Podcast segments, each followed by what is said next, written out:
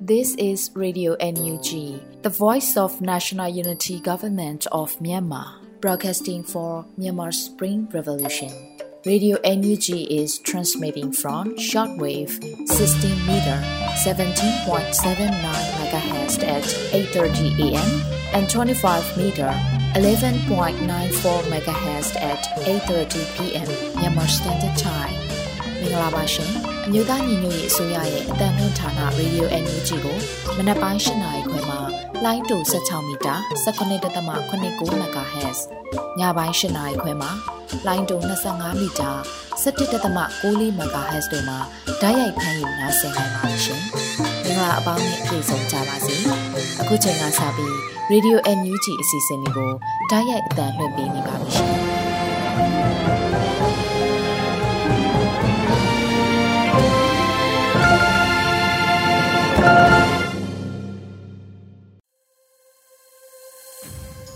မြန်မာနိုင်ငံသူနိုင်ငံသားအပေါင်းတဘာဝပြီးဆရာနာရှင်ပြည်တို့ကနေကင်းဝေးပြီးကိုစိတ်နှပါဘေးကင်းလုံခြုံကြပါစေလို့ရေဒီယိုညူချီဖွယ်သားများကဆုတောင်းမြတ်တာပို့သလာရပါတယ်။အခုချိန်ကစပြီးကာကွယ်ရေးဝန်ကြီးဌာနရဲ့စီရေးသတင်းချင်းချုပ်ကိုတော့လူဦးလင်ကမှဖတ်ကြားတင်ပြပေးပါရမရှင်။ကာကွယ်ဝင်ကြီးဌာနအမျိုးသားညီညွတ်ရေးဆိုရမှာ ဒီဇင်ဘာလ18ရက်နေ့2022ခုနှစ်ထုတ်ဝေတဲ့စစ်ရေးသတင်းချင်းချုပ်ကိုတင်ဆက်ပေးတော့မှာဖြစ်ပါတယ်။စစ်ကောင်စီတပ်သား2ဦးသေဆုံးပြီး9ဦးထိခိုက်ဒဏ်ရာရရှိခဲ့ကြောင်းသတင်းရရှိပါရခင်ဗျာ။စစ်ကောင်စီနဲ့တိတ်ပွဲဖြစ်ပွားမှုသတင်းတွေကိုတင်ဆက်ပေးကြပါမယ်။ချင်းပြည်နယ်မှာဒီဇင်ဘာလ16ရက်နေ့မနက်7:30မိနစ်အချိန်ခန့်ကတီးတိမ်မြို့နယ်တီးတိမ်မြို့ခြေဆိုင်ခလာရ269တပ်မှအင်အား40ခန့်ပါတဲ့စစ်ကြောင်းဟာ တီးတိမ်မျိုးအောက်လန်းမှတဆင်ဆဲဆန်ကျွရသူခြေလင်းဆင်းလာကဆဲဆန်ကျွရရှိစာတင်ကျောင်း၌ညအိတ်တက်ဆွဲနေရယူစဉ် PDF ဆိုလန်နဲ့ CDM စီရင်တပ်ဖွဲ့တို့ပူးပေါင်းတိုက်ခိုက်ခဲ့ပြီးတိုက်ပွဲကြာချိန်2နာရီတွင်စစ်ကောင်စီတပ်ကထိခိုက်ကြဆုံးမှုများစွာနဲ့တီးတိမ်မျိုးဘက်သို့ပြန်လည်ဆုတ်ခွာသွားခဲ့ရပြီးပြည်သူ့ကာကွယ်တပ်မတော်အဖွဲ့ဝင်တဦးဒဏ်ရာရရှိကမစိုးရင်ရကြောင်းသတင်းရရှိပါရခင်ဗျာ ဒီဇင်ဘာလ16ရက်နေ့ကပလက်ဝမြို့နယ်နဲ့မတူပီနယ်ဆက်ရှိစစ်ကောင်စီရဲ့ဘွေလီဂိတ်စကန်အောင် Chinland Defense ကိုပလက်ဝကဝင်ရောက်တိုက်ခိုက်ခဲ့ရာ15မိနစ်ကြာအပြန်အလှန်ပစ်ခတ်မှုဖြစ်ပွားခဲ့ပြီးစစ်ကောင်စီတပ်သား2ဦးသေဆုံးက9ဦးထက်မနည်းထိခိုက်ဒဏ်ရာရရှိခဲ့ကြောင်းသတင်းရရှိပါရခင်ဗျာဆက်လက်ပြီးစစ်ကောင်စီကကျူးလွန်တဲ့ရာဇဝတ်မှုတွေကိုတင်ဆက်ပေးကြပါမယ်။ကရင်ပြည်နယ်မှာဒီဇင်ဘာလ18ရက်နေ့မနက်တနာရီခန့်ကကော့ဂရိတ်မြို့နယ် ကိုးတိုင်ဘက်မှာစစ်ကောင်စီက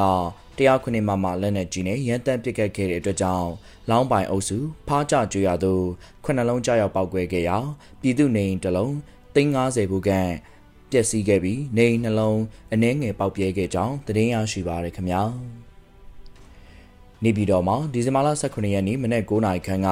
ပြည်မနာမြို့နယ်မြင်းကြကန်ရရှိ ဒေါ်တီတာဆိုအောင်စစ်ကောင်စီကလာရောက်ဖမ်းဆီးသွားခဲ့ပြီးနောက်နေပြည်တော်စစ်ကြောရေးမှာပြင်မနာမြို့မှာအချုပ်ထောင်သို့ပြောင်းရွှေ့ထားခဲ့ကြောင်းသတင်းရရှိပါရခင်ဗျာမန္တလေးတိုင်းမှာဒီဇင်ဘာလ16ရက်နေ့ညနေ6နာရီခန့်ကမြင်းကြံမြို့နယ်စီမီကုံမြို့အမှတ်2ရပ်ကွက်မှာကိုငိန်ချန်ကိုကျဲပေါနေအမှတ်၄ရပ်ကွက်မှာဦးတင်ဦးစုစုပေါင်း3ဦးတို့အောင်စီမီကုံရဲစခန်းရှိရဲများကလာရောက်ဖမ်းဆီးသွားခဲ့ကြောင်းသတင်းရရှိပါရခင်ဗျာ ရန်ကုန်တိုင်းမှာဒီဇင်ဘာလ18ရက်နေ့ည7:00နာရီခန့်ကလိုင်သားယာမြို့နယ်နဝတီအိမ်ယာ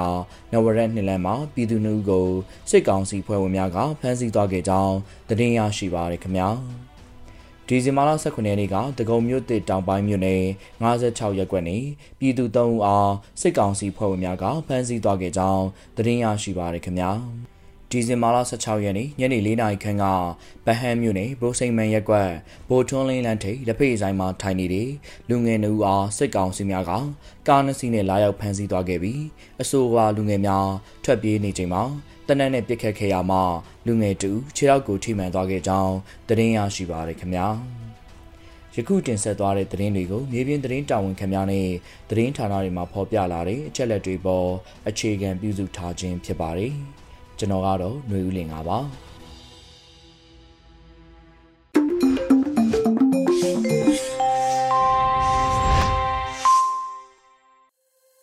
ဗီဒီယိုညွှန်ချီမှာဆက်လက်တင်ပြနေပါတယ် အခုဆက်လက်ပြီးနောက်ဆုံးရသတင်းများကိုຫນွေဦးမွန်မှဖတ်ကြားတင်ပြပေးပါရမရှင်မင်္ဂလာမနက်ခင်းပါရှင်2022ခုနှစ်ဒီဇင်ဘာလ19ရက်နေ့ Radio Energy မနက်ခင်းပြည်တွင်သတင်းတွေကိုတင်ပြပေးသွားမှာဖြစ်ပါတယ်ကျွန်မကတော့ຫນွေဦးမွန်ပါမြို့သားညီညွတ်ရေးအစိုးရဂျက်ကာလဒေသန္တရပြည်သူ့အုပ်ချုပ်ရေးဖော်ဆောင်မှုဗဟိုကော်မတီနဲ့ထူးအုပ်ချုပ်ရေးဒေသပြည်သူ့အုပ်ချုပ်ရေးအဖွဲ့များတွေ့ဆုံဆွေးနွေးတဲ့အကြောင်းအရာကိုဥစွာတင်ပြပေးပါမယ်။မြို့သားညီညွတ်ရေးအစိုးရဂျာကာလဒေသန္တရပြည်သူ့အုပ်ချုပ်ရေးဖော်ဆောင်မှုဗဟိုကော်မတီနဲ့ထူးအုပ်ချုပ်ရေးဒေသပြည်သူ့အုပ်ချုပ်ရေးအဖွဲ့များတွေ့ဆုံဆွေးနွေးခဲ့တယ်လို့သတင်းရရှိပါတယ်။ဒီဇင်ဘာ18ရက်မြို့သားညီညွတ်ရေးအစိုးရ ဂျာကာလဒေသန္တရပြည်သူ့အုပ်ချုပ်ရေးဖော်ဆောင်မှုဗဟိုကော်မတီနဲ့ထူးအုပ်ချုပ်ရေးဒေသပြည်သူ့အုပ်ချုပ်ရေးအဖွဲ့များတွေ့ဆုံဆွေးနွေးတဲ့အစည်းအဝေး39မြင်းဆောင်2022ကိုကျင်းပခဲ့ပါတယ်။အစည်းအဝေးကိုဂျာကာလဒေသန္တရပြည်သူ့အုပ်ချုပ်ရေးဖော်ဆောင်မှုဗဟိုကော်မတီအဖွဲ့ဝင်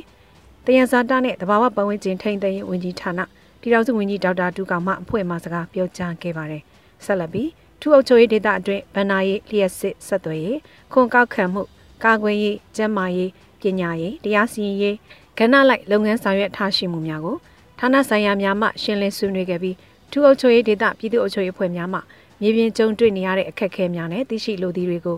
ပြန်လည်ဆွေးနွေးခဲ့ကြပါတယ်။အစည်းအဝေးကိုဂျာကာလဒေသန္တရပြည်သူ့အချိုးရေးဖော်ဆောင်မှုဘိုးကော်မတီဝင်ပြည်အောင်စုဝန်ကြီးများဒုတိယဝန်ကြီးများမြေတန်းအတွင်းများတွဲဘက်မြေတန်းအတွင်းများဌာနဆိုင်ရာအသီးသီးမှတာဝန်ရှိသူများအထူးအချိုးရေးဒေသမှပြည်သူ့အချိုးရေးအဖွဲ့ခေါင်းဆောင်များဖွဲ့ဝင်များတက်ရောက်ခဲ့ကြပါတယ်ရှင် ပြည်ထောင်စုလွှတ်တော်ကိုစားပြုကော်မတီရဲ့လုပ်ငန်းဆောင်ရွက်ချက်များရှင်းလင်းတင်ပြခြင်းအစီအစဉ်စရုပ်ထနှင့်ဆက်လက်ကျင်းပတဲ့အကြောင်းအရာကိုလည်းတင်ပြပေးပါမယ်။ပြည်ထောင်စုလွှတ်တော်ကိုစားပြုကော်မတီသည်လက်ရှိဆောင်ရွက်လျက်ရှိသည့်လုပ်ငန်းများနှင့်ဆက်လက်အကောင့်ထဲပေါ်ဆောင်မိလုပ်ငန်းစဉ်များအားရှင်းလင်းတင်ပြခြင်းအစီအစဉ်ရဲ့စရုပ်ဌာနေအဖြစ်ကချင်ပြည်နယ်မန္တလေးတိုင်းဒေသကြီးနဲ့စကိုင်းတိုင်းဒေသကြီးတို့မှပြည်ထောင်စုလွှတ်တော်ကိုယ်စားလှယ်များအားဒီဇင်ဘာလ18ရက်ဗီဒီယိုကွန်ဖရင့်မှတဆင့်ဖိတ်ခေါ်တွေ့ဆုံပြီးရှင်းလင်းတင်ပြခဲ့ပါတယ်။တွေ့ဆုံဆွေးနွေးပွဲမှာ CRPH ရဲ့လက်ရှိဆောင်ရွက်လျက်ရှိတဲ့လုပ်ငန်းများနဲ့ဆက်လက်အကောင့်ထဲပေါ်ဆောင်မဲ့လုပ်ငန်းစဉ်များပါဝင်ရေးရာကော်မတီများရဲ့လုပ်ငန်းများအကျဉ်းချုပ်ရှင်းလင်းတင်ပြခဲ့ကြပါတယ်။အဲဒီနောက်တက်ရောက်လာသူများကပြည်တွင်းပြည်ပမိတ်ဖက်ဖွဲ့စည်းများနဲ့ချိတ်ဆက်ဆောင်ရွက်နေတဲ့ကိစ္စရပ်များပြည်အောင်စုလွှတ်တော်ရဲ့အခန့်ကဏ္ဍနဲ့လွှတ်တော်ခေါ်ယူခြင်းပနိုင်ရေးကိစ္စမြို့သားညီညွတ်ရေးအတိုင်းအမြံကောင်စီနဲ့ချိတ်ဆက်ဆောင်ရွက်နေမှုအခြေအနေများနဲ့ဆက်လျင်းတဲ့ကိစ္စထပ်မံတိုးချက်ဖွဲ့စည်းတင်သောရေးရာကော်မတီများကိစ္စနဲ့ မြေပြင်အခြေအနေများပေါ်မေးခွန်းများမေးမြန်းခြင်းနဲ့ကြံပြုချက်များတင်ပြဆွေးနွေးခြင်းတို့လှုံ့ဆော်ခဲ့ပါတယ်။ပြည်အောင်စုလွှတ်တော်ကိုယ်စားလှယ်များတို့ CRPH ရဲ့ရှင်းလင်းတင်ပြခြင်းအစီအစဉ်များမှာပြည်ထောင်စုလွှတ်တော်ကိုစားပြုကော်မတီဥက္ကဋ္ဌနဲ့အဖွဲ့ဝင်များရေးရာကော်မတီများမှဥက္ကဋ္ဌများနဲ့အတွင်းရေးမှူးများကမိကုံများအပေါ်ရှင်းလင်းဖြေကြားခဲ့ကြပါတယ်ရှင်။နောက်နာကမျိုးဆက်သများအတွက်ပညာရေးဟာအဆက်ပြတ်သွားလို့မရပဲအရေးကြီးတယ်လို့ပြည်ထောင်စုဝန်ကြီးဒေါက်တာဇော်ဝေဆိုးပြောကြားတဲ့အကြောင်းအရာကိုလည်းတင်ပြပေးပါမယ်။ နောက်နာကမျိုးဆက်သများအတွက်ပညာရေးဟာအဆက်ပြတ်သွားလို့မရပဲအရေးကြီးတယ်လို့ပြည်ထောင်စုဝန်ကြီးဒေါက်တာဇော်ဝေဆိုးကဆိုပါတယ်။ဒီဇင်ဘာ16ရက်ကျင်းပတဲ့ရှင်သွင်းငယ်တို့ပညာရေးမိဘပြည်သူဝိုင်းကူပေးကမ်ပိန်းမှလူငွေပေးအပ်ပွဲနဲ့ကန်ဆယ်မဲဖွင့်ပွဲအခမ်းအနားမှာပညာရေးနဲ့ကျန်းမာရေးဝန်ကြီးဒေါက်တာဇော်ဝေဆိုးကပြောကြားခဲ့တာပါ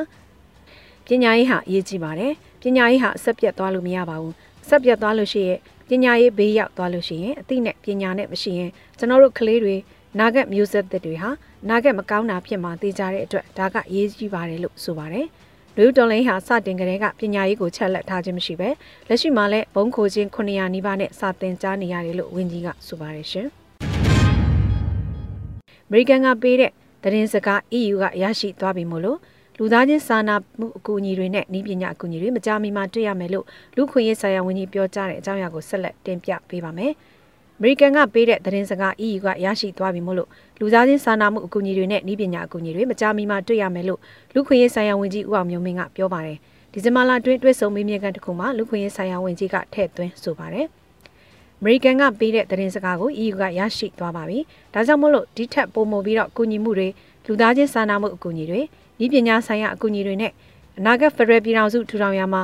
ဤပညာပိုင်းအကူအညီတွေဆက်လက်ဖော်ဆောင်သွားမှာကိုမကြာမီမှာတွေ့ရပါလိမ့်မယ်လို့ဝန်ကြီးကဆိုပါတယ်။ ဒီဇင်ဘာလအတွင်းမှာ EU လွှတ်တော်ကမြို့သားညွေအစိုးရကိုတရားဝင်အသိမှတ်ပြုကြောင်းဖော်ပြကြေညာခဲ့ပြီးတော့လူခွင့်ရေးဆိုင်ရာဝန်ကြီးကိုလည်းလက်ခံတွေ့ဆုံခဲ့ပါတယ်ရှင်။စကိုင်းတိုင်းရမပင်ခရိုင်ဆလင်းကြီးနယ်တဲကမိဘတင်ပြည်သူများအတွက်အထောက်ပံ့တစ်ခုအနေနဲ့အိုခွက်စလုံးများကူညီနိုင်ခဲ့တဲ့ဆိုတဲ့အကြောင်းအရာကိုလည်းတင်ပြပေးပါဦးမယ်။စကိုင်းတိုင်းရမပင်ခရိုင်ဆလင်းကြီးနယ်တဲကမိဘတင်ပြည်သူများအတွက်အထောက်ပံ့တစ်ခုအနေနဲ့အိုခွက်စလုံးကူညီနိုင်ခဲ့တယ်လို့ဆိုပါတယ်။ဒီဇင်ဘာ16ရက်မှာဆလင်းကြီးဆက်ကော်မတီကအတည်ပြုဖော်ပြပါတယ်။ စလင်းကြီးနယ်ထဲမှာဂျမ်ဘတ်စီအုပ်စုကြောင့်နေအိမ်နဲ့ပိုင်ဆိုင်မှုများမိဘေးတင်ခဲ့ရသောခြေရွာ9ရွာမှပြည်သူများအတွက်တအိမ်အောင်လျင်ဒန်အိုဒဲအိုစတီးစလုံး3လုံးစတီးစွန်း3ချောင်းကူညီလှူဒန်းခဲ့ပါတယ်လို့ဆိုပါတယ်။ဒါအပြင်စကိုင်းတိုင်းရင်းမပင်ခရိုင်စလင်းကြီးနယ်တဲကမိဘေးတင်ပြည်သူများအတွက်အထောက်အပံ့တစ်ခုအနေနဲ့18ပေပတ်လည်မိုးကများငွေကျပ်390ကျော်ဖို့ကူညီနိုင်ခဲ့ပါတယ်ရှင်။ ဗဒီချီတက်စစ်တပ်ပြက်ကမ်ပိန်းတစ်ကက်ရောင်းရငွေ3100ကျော်ရှာဖွေရရှိပြီးတရင်များတို့80ရာခိုင်နှုန်းနဲ့ကာဝေးဝန်ကြီးဌာနတို့30ရာခိုင်နှုန်းပို့ဆောင်ပေးသွားမယ်ဆိုတဲ့အကြောင်းအရာကိုလည်းတင်ပြပေးပါမယ်။ဗဒီချီတက်စစ်တပ်ပြက်ကမ်ပိန်းတစ်ကက်ရောင်းရငွေ3100ကျော်ရှာဖွေရရှိပြီးတရင်များတို့80ရာခိုင်နှုန်းနဲ့ကာကွယ်ရေးဝန်ကြီးဌာနတို့30ရာခိုင်နှုန်းပို့ဆောင်ပေးသွားမယ်လို့သတင်းရရှိပါရယ်။ဒီဇင်ဘာ16ရက်မှာဝီလက်မြန်မာ family ကအသိပေးဆိုပါရယ်။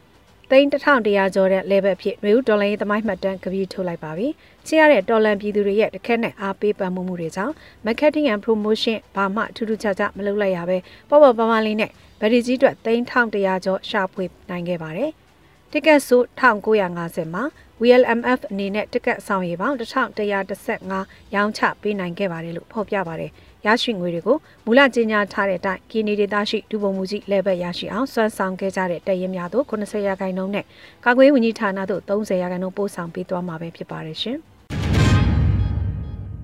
ဒီဇင်ဘာ3ရက်မှ9ရက်နေ့ထိရေဦးနဲ့တပင်းမှာကာကွယ်တပ်များတိုက်ခတ်၍စစ်ကောင်စီတပ်ဘက်က28ဦးသေဆုံးတဲ့တဲ့ရင်ကိုလည်းတင်ပြပေးပါမယ်။ဒီဇင်ဘာ3ရက်မှ9ရက်နေ့ထိရေဦးနဲ့တပင်းမှာကာကွယ်တပ်များတိုက်ခိုက်မှုကြောင့်စစ်ကောင်စီတပ်ဘက်က28ဦးသေဆုံးခဲ့တယ်လို့သိရှိရပါတယ်။ ဒီဇင်ဘာ16ရက်မှာစီးရဲသတင်းကို Ania Defense Force ADF ကအသိပေးဆိုပါတယ်။ဒီဇင်ဘာလ3ရက်နေ့ရေဦးမြို့မှစစ်ကြောင်းထုတ်လာသောအင်အား80ဦးခန့်ရှိတဲ့စကောင်စီတပ်များနဲ့ပြူစောထင်းများဆယ်ကြီးရွာအတွင်းတွင်ရောက်ရှိနေစဉ် ADF မှပျောက်ကြားပစ်ခတ်တိုက်ခိုက်ခဲ့ပြီးရန်သူဘက်မှ9ဦးကသေဆုံးပြီး4ဦးအပြင်းထန်တရားရရှိခဲ့တယ်လို့ဖော်ပြပါတယ်။လာဒူဒီဇင်ဘာလ9ရက်နေ့နေ့လယ်ပိုင်းဗန်ပွေးရွာအားမီးရှို့ပြီးထွက်ခွာလာတဲ့အင်အား40ဦးခန့်ရှိတဲ့စစ်ကောင်စီတပ်များနဲ့ပြူစောထင်းများအား ADF မှ ကုန်းကြီးရွာနီးမှာစီးကြိုတိုက်ခိုက်ခဲ့ရာရန်သူဘက်မှ6ခက်ကြာဆုံးပြီး9ဦးပြင်းထန်ဒဏ်ရာရရှိသွားခဲ့ပြီး၎င်းတိုက်ပွဲမှာရန်သူဘက်မှ MA1 နှစ်လက်ကြီးပေါင်း12ခု5.56 G 130တောင်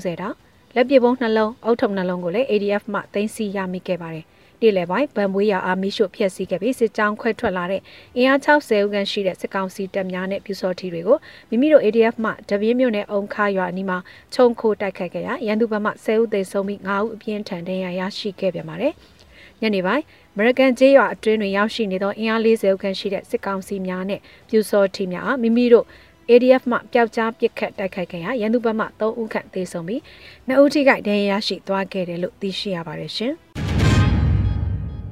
ပခုတ်ကူမြို့ပြည်သူ့ကာကွယ်တပ်ဖွဲ့ရန် Force မှလုံခြုံရေးနဲ့လမ်းမိုင်းစစ်ဆေးတဲ့အကြောင်းအရာကိုလည်းတင်ပြပေးပါမယ်။ပခုတ်ကူမြို့ပြည်သူ့ကာကွယ်တပ်ဖွဲ့ရန် Force မှလုံခြုံရေးနဲ့လမ်းမိုင်းစစ်ဆေးခဲ့တယ်လို့သိရှိရပါတယ်။ဒီဇင်ဘာလ18ရက်ပခုတ်ကူမြို့ပြည်သူ့ကာကွယ်တပ်ဖွဲ့ရန် Force မှအသိပေးဖော်ပြပါရတယ်။စစ်ကောင်စီရဲ့စိုးမိုးနယ်မြေနဲ့လမ်းလို့ပြောလို့ရတဲ့နေရာဒေသတခုမှာပြည်သူ့ကာကွယ်တပ်ဖွဲ့များမှစစ်ဆေးမှုတွေပြုလုပ်ခဲ့ပါတယ်။ဒေါ်လာရေးဒီအရွေ့ထိရောက်လာရခြင်းကလည်းပြည်သူလူထုရဲ့အကူအညီထောက်ပံ့မှု ကျွန်တော်တို့ရဲ့စူးစမ်းအားထုတ်မှုတွေကနေခုလိုစစ်ကောင်စီကိုလမ်းပေါ်ထွက်ပြီးရဲရဲဝံ့ဝံ့ရင်ဆိုင်နိုင်ရခြင်းဖြစ်ပါတယ်လို့ဆိုပါတယ်။ဖခုမြို့ပြည်သူ့ကာကွယ်ရေးတပ်ဖွဲ့ရန်ဖို့စာစစ်ကောင်စီတပ်များကိုစစ်စင်ရေးဆွေးနွေးရမှာစစ်ကောင်စီတပ်များအထိနာကြဆုံးမှုတို့ရှိခဲ့ပါတယ်ရှင်။မုံရွာမြို့စီဝိုင်းတက္ကသိုလ်အီကိုကျောင်းနီးမှာတက်ဆွဲထားတဲ့စစ်ကောင်စီကင်းစခန်းအားကာဝေးတိုင်များတိုက်ခိုက်တာကြောင့်စစ်ကောင်စီတပ်များထိခိုက်ကြဆုံးမှုရှိနိုင်တဲ့အကြောင်းအရာကိုလည်းတင်ပြပေးပါမယ်။မုံရွာမြို့စီဝိုင်းတက္ကသိုလ် အီကိုကျောင်းနီမှာတက်ဆွဲထားတဲ့စစ်ကောင်စီကင်းစခန်းကိုကာကွယ်တပ်များတိုက်ခိုက်ပြီးစစ်ကောင်စီတပ်များထိခိုက်ကြဆုံးမှုရှိနိုင်တယ်လို့သိရှိရပါတယ်။ဒီဇင်ဘာလ16ရက်မှာစီးရဲသတင်းကိုအာနာရှင်တော်လှန်ရေးပြည်သူ့တပ်မတော် DRPA ကဖော်ပြအသိပေးပါတယ်။ဒီဇင်ဘာ16ရက်နေ့ည8နာရီခန့်မှာမုံရမြို့စီးပွားရေးတက္ကသိုလ်အီကိုကျောင်းနေတွင်တက်ဆွဲထားသောစစ်ကောင်စီကင်းစခန်းအား DRPA မုံရမြို့ပြပျောက်ကြားတက်ခွဲနဲ့မဟာမိတ်များဖြစ်သော MACD ပျောက်ကြားအဖွဲ့တပြင်းညို local PDF အဖွဲ့ People Defense Force East မုံရွာတော်ကျွဲကြီးပျောက်ကြားအဖွဲ့တို့ပူးပေါင်းပြီး60မမနဲ့တွားရပစ်ခတ်တိုက်ခိုက်ခဲ့ပြီးစစ်ကောင်စီကင်းစခန်းအားတိုက်ရိုက်ထိမှန်ခဲ့တယ်လို့ဆိုပါတယ်။အဲဒီနောက်စစ်ကောင်စီကင်းစခန်းမှာအင်စီကအသေးတစီနဲ့စိုက်ကယ်တစီထွက်လာခဲ့ပြီးကြိုတင်ထောင်ထားတဲ့မိုင်းပွိုင်အတွင်းသို့ဝင်ရောက်လာရာပွိုင်ဆွဲ၍တိုက်ခိုက်ခဲ့တယ်လို့ဆိုပါတယ်။စစ်ကောင်စီတပ်ဖွဲ့ဝင်များထိခိုက်ကြဆုံးမှုရှိနိုင်တယ်လို့ဖော်ပြပါတယ်ရှင်။ မော်ဝီမြို့နယ်လေတပ်ဌာနချုပ်အားလက်လွတ်ဝေးပစ်ရှော့ရိုက်တုံးသုံးလုံးနဲ့ပစ်ခတ်တိုက်ခိုက်ခဲ့ရာလေတပ်နေရန်ကိုနှလုံးထိမှန်ခဲ့ပြီးတစ်လုံးမှာအဓိကနေရာကိုထိခိုက်ခဲ့တယ်လို့ People Defense Force မော်ဝီကအသိပေးဖော်ပြတဲ့အကြောင်းအရာကိုဆက်လက်တင်ပြပေးပါမယ်။ရန်ကုန်တိုင်းမော်ဝီမြို့နယ်လေတပ်ဌာနချုပ်အားလက်လွတ်ဝေးပစ်ရှော့ရိုက်တုံးသုံးလုံးနဲ့ပစ်ခတ်တိုက်ခိုက်ခဲ့ရာလေတပ်နိုင်ရန်ကိုနှလုံးထိမှန်ခဲ့ပြီးတစ်လုံးမှာအဓိကနေရာကိုထိခိုက်ခဲ့တယ်လို့ People Defense Force မော်ဘီကအသိပေးဖော်ပြပါတယ်။ဒီဇင်ဘာ16ရက်မှာစီးရဲတဲ့တင်ကို People Defense Force မော်ဘီကအသိပေးဆိုပါတယ်။ ဒီဇင်ဘာ19ရက်မော်ဘီမြို့နယ်လေးတဲ့ဌာနချုပ်အားလက်လက်ဝေးပစ်ရှော့တိုက်တုံး၃လုံးနဲ့ပစ်ခတ်တိုက်ခိုက်ခဲ့ရာထိခိုက်မှုရှိခဲ့ပြီးနှလုံးမှာလေးတဲ့နေရန်ကိုထိမှန်ခဲ့ပြီးတစ်လုံးမှာအဓိကနေရာကိုထိခိုက်မိပါတယ်။တစ်လုံးမှာလုံခြုံရေးအခြေအနေရထားခဲ့ရတယ်လို့ဖော်ပြပါတယ်။ထိခိုက်မှုတော့ရှိတယ်၄ယောက်လောက်တော့ထိခိုက်ပါတယ်လို့ People Defense Force မော်ဘီကတာဝန်ရှိသူတို့ကပြောပါတယ်ယခုပြုလုပ်မှုကို PDF မော်ဘီ YRFA ရန်ကုန် UG Group များမှပူးပေါင်းဆောင်ရွက်ခဲ့ခြင်းဖြစ်ပြီးတော့ယခုတိုက်ခိုက်မှုဟာသတိပေးသည့်အဆင့်မဟုတ်တော့ဘဲအဓိကနေရာများကိုပါတိုက်ခိုက်သွားမယ်လို့ဆိုပါတယ်ရှင်။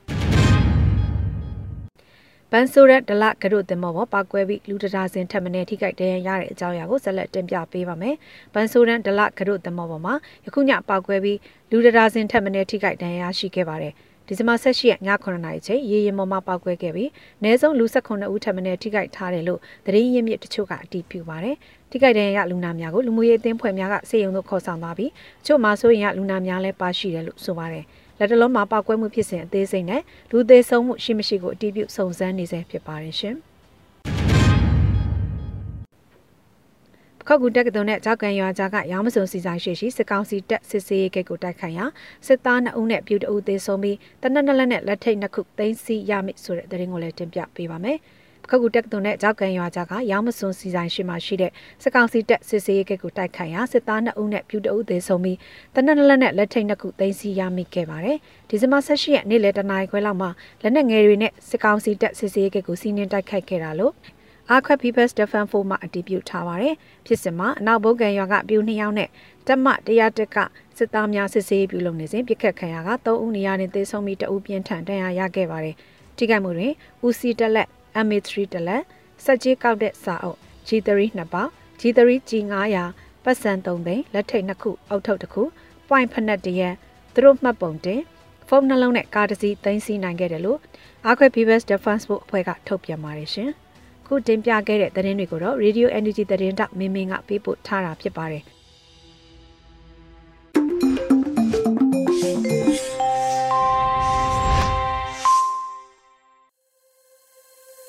ရေဒီယိုအန်ယူဂျီရဲ့မနက်ခင်းစီစဉ်လေးကိုဆက်လက်တင်ပြနေပါတယ်။ဒီနေ့ရဲ့တော်လှန်ရေးကြပြအစီအစဉ်မှာတော့နှွေဦးတဲကကြပြကြပြတဲကနှွေဦးလို့အမည်ရတဲ့တော်လှန်ရေးကြပြကိုတော့ဗညာမော်ရေးသားပြီးစိုးရရဲ့ရုပ်ဖတ်မှုနဲ့နားဆင်ကြရတော့မှာဖြစ်ပါတယ်ရှင်။ နှွေဦးတဲကကြပြကြပြတဲကနှွေဦးနှွေဦးထဲမှာအန်တုဆန့်ကျင်တဲ့သူတွေကဒေတာပေါင်းစုံတောင်ပေါင်းစုံပုံစံပေါင်းစုံနဲ့ရှိကြတော့ဒီအရေးတော်ပုံကြီးတွေကထွက်လာတဲ့သို့မဟုတ်ဒီအရေးတော်ပုံကြီးကိုထင်ဟပ်လိုက်တဲ့သို့မဟုတ်ဒီအရေးတော်ပုံကြီးရဲ့ရင်တွင်းတန်ဖြစ်တဲ့ຫນွေဦးကြပြတွေဟာအဆုံးမရှိ ကြွယ်ဝခြင်းရှိနေတာကိုကျွန်တော်တို့တွေ့ရှိလက်ခံရမှာပါပဲတော်လှန်ကြပြဖြစ်တယ်လူရုကြပြဖြစ်တယ်စန့်ကျင်ကန့်ကွက်ခြင်းအမှုပညာဖြစ်တယ်စစ်ချီတေးဖြစ်တယ်ရဲတင်းတန်ဖြစ်တယ်တော်ရဲကလာတယ်စစ်ပွဲကလာတယ်စစ်ပြေးနေရကလာတယ်ကြေမွပြာကျသွားတဲ့ရွာတွေကလာတယ် ဘုံဒဏ်ခံရတဲ့ဘာသာရေးအဆောက်အအုံကလာတယ်လေရင်ပေါ်ကစက်တနက်ကြည်စံဖောက်ဝင်သွားတဲ့ကျောင်းဝင်းတွေကကျောင်းသားလေးရဲ့ရင်ဘတ်ထဲကနေပန်းထွက်လာတယ်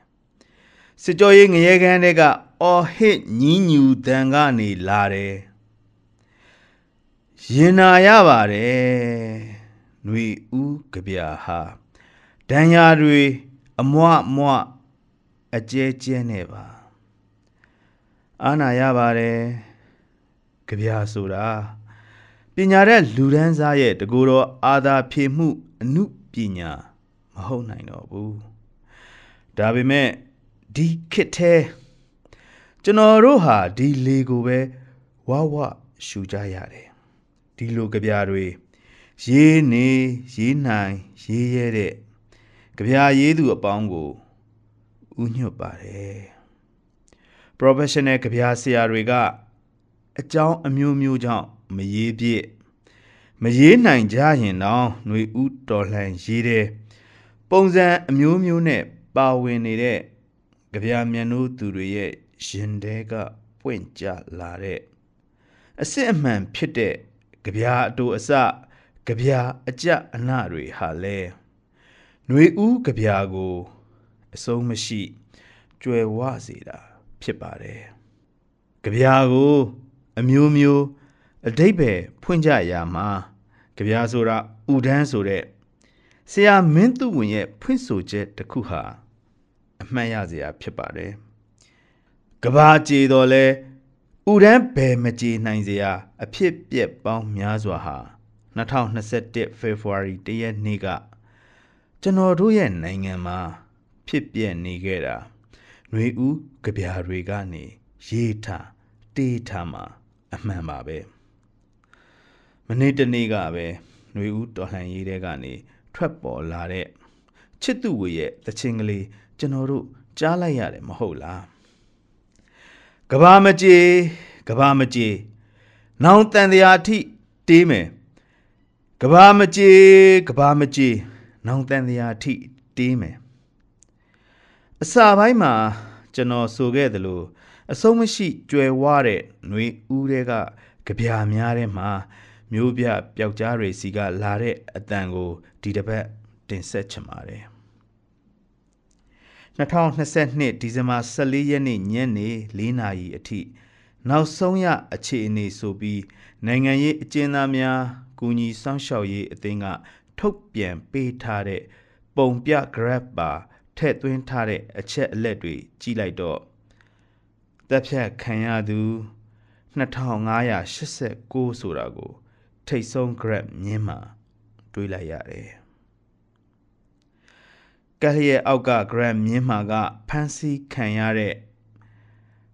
16555ဒီစည်ရင်းထဲမှာမျိုးပြပျောက်ကြားတွေပါမှာတကြွလှုပ်ရှားသူတွေပါမှာ မျိုးပေါ်တပိတ်လှုပ်ရှားသူတွေပါမှာဒီဂျုတ်အပါအဝင်ဒီမိုကရက်တစ်နိုင်ငံရေးပါတီဝင်တွေပါမှာမကောင်းသူထိတ်ကောင်းသူထိတ်ဆွန့်ခံရင်ငှက်တင်တဲ့မျိုးပြကရိုးရိုးအရက်သားတွေပါမှာမြစ်ကွေတော်လှန်ရေးစာစဉ်တဲကကြပြာဆီယမမတ်ကြီးကတော့လက်နဲ့မစုံလဲယုံကြည်ချက်အတွက်တေမင်းလက်တွင်းဝင့်စားစွာဆင်းသက်ခဲ့ကြဆိုပြီး မျိုးပြပျောက်ကြားအမိတ်သားဆိုတဲ့သူ့ကြပြာကိုစလိုက်တယ်ကြပြာရဲ့ပထမပါဒကလေးလုံးဆက်ကြပြာတစ်ပုဒ်လိုနောက်ဆက်လာတဲ့အခါကြပြာပါဒတွေကတော့လွတ်လပ်ပုံစံ free verb ကြပြာအစုံပါဒတွေနားကြတော့ကျွန်တော်ဟာလောလောလတ်လတ်ကြားထားရတဲ့ချစ်သူဝေရဲ့တန်တိဋ္ဌံတခြင်းတဲကရှာပြားလာဆွဲတဲ့စာသားကကျွန်တော်စိတ်ထဲ လာပြီးထက်တယ်ကဘာမကြေကဘာမကြေနောင်တန်တရားထိတေးမယ်ကဘာမကြေကဘာမကြေနောင်တန်တရားထိတေးမယ်ကျွန်တော်တို့ရဲ့နိုင်ငံတော်တခြင်းတွေကကဘာမကြေဆိုတဲ့စာသားကိုရေးတော်ပုံကြီးပြီးတရားမျှတမှုတွေပြန်လည်ရယူပြီးတဲ့အချိန်ကြရင်နာကြည့်မှုတွေဖယ်ခွာပြီးအပေါင်းသဘောဆောင်တဲ့အ내အတိတ်ပဲကို ဖော်နိုင်ကြမယ်လို့မျှော်လင့်ပါတယ်မျိုးပြပျောက်ကြားအမေသားလက်နဲ့မစုံလဲယုံကြည်ချက်အတွက်သင်မင်းလက်တွင်ဝင့်စားစွာဆင်းသက်ခဲ့ကြဖမ်းမိတဲ့အခါတဲချေပြက်မတက်နှိပ်စက်ခြင်းခံရထောင်နှံတွေ နှစ်ရှည်ချနေတဲ့ဂျားကအောင်စိတ်ဓာတ်ကိုမွေးရင်ဟိုးအဝေးတောတောင်ဂျားကတော်လှန်တငယ်ချင်းများနဲ့အတူပွေဖက်ရှင်တွဲသားတို့လည်းရှစ်ဆက်ခြိတက်ရလိမ့်မယ်ဘလူးတွေဖျားတယ်ပြီးခွေးယူတွေလူအရေးခြုံနေတဲ့တိုင်းပြည်တဲ့တွေးမရဲလို့တော့မရဘူးလေ အမေရဲ့တကယ်လို့များအချိန်နောက်ကျပြန်မရောက်ခဲ့ရင်ဖုန်းမဆက်ပါနဲ့မျက်ရည်လဲမကြနဲ့နော်ကောင်းငင်ထက်ကကြဲကလေးတွေမော့ကြည့်ပြီးအားလုံးကိုရည်စူးလို့ကဘာမကြေဘူးကိုသာပရိစိတ်ရစ်ပါချစ်တယ်အမေမကြေး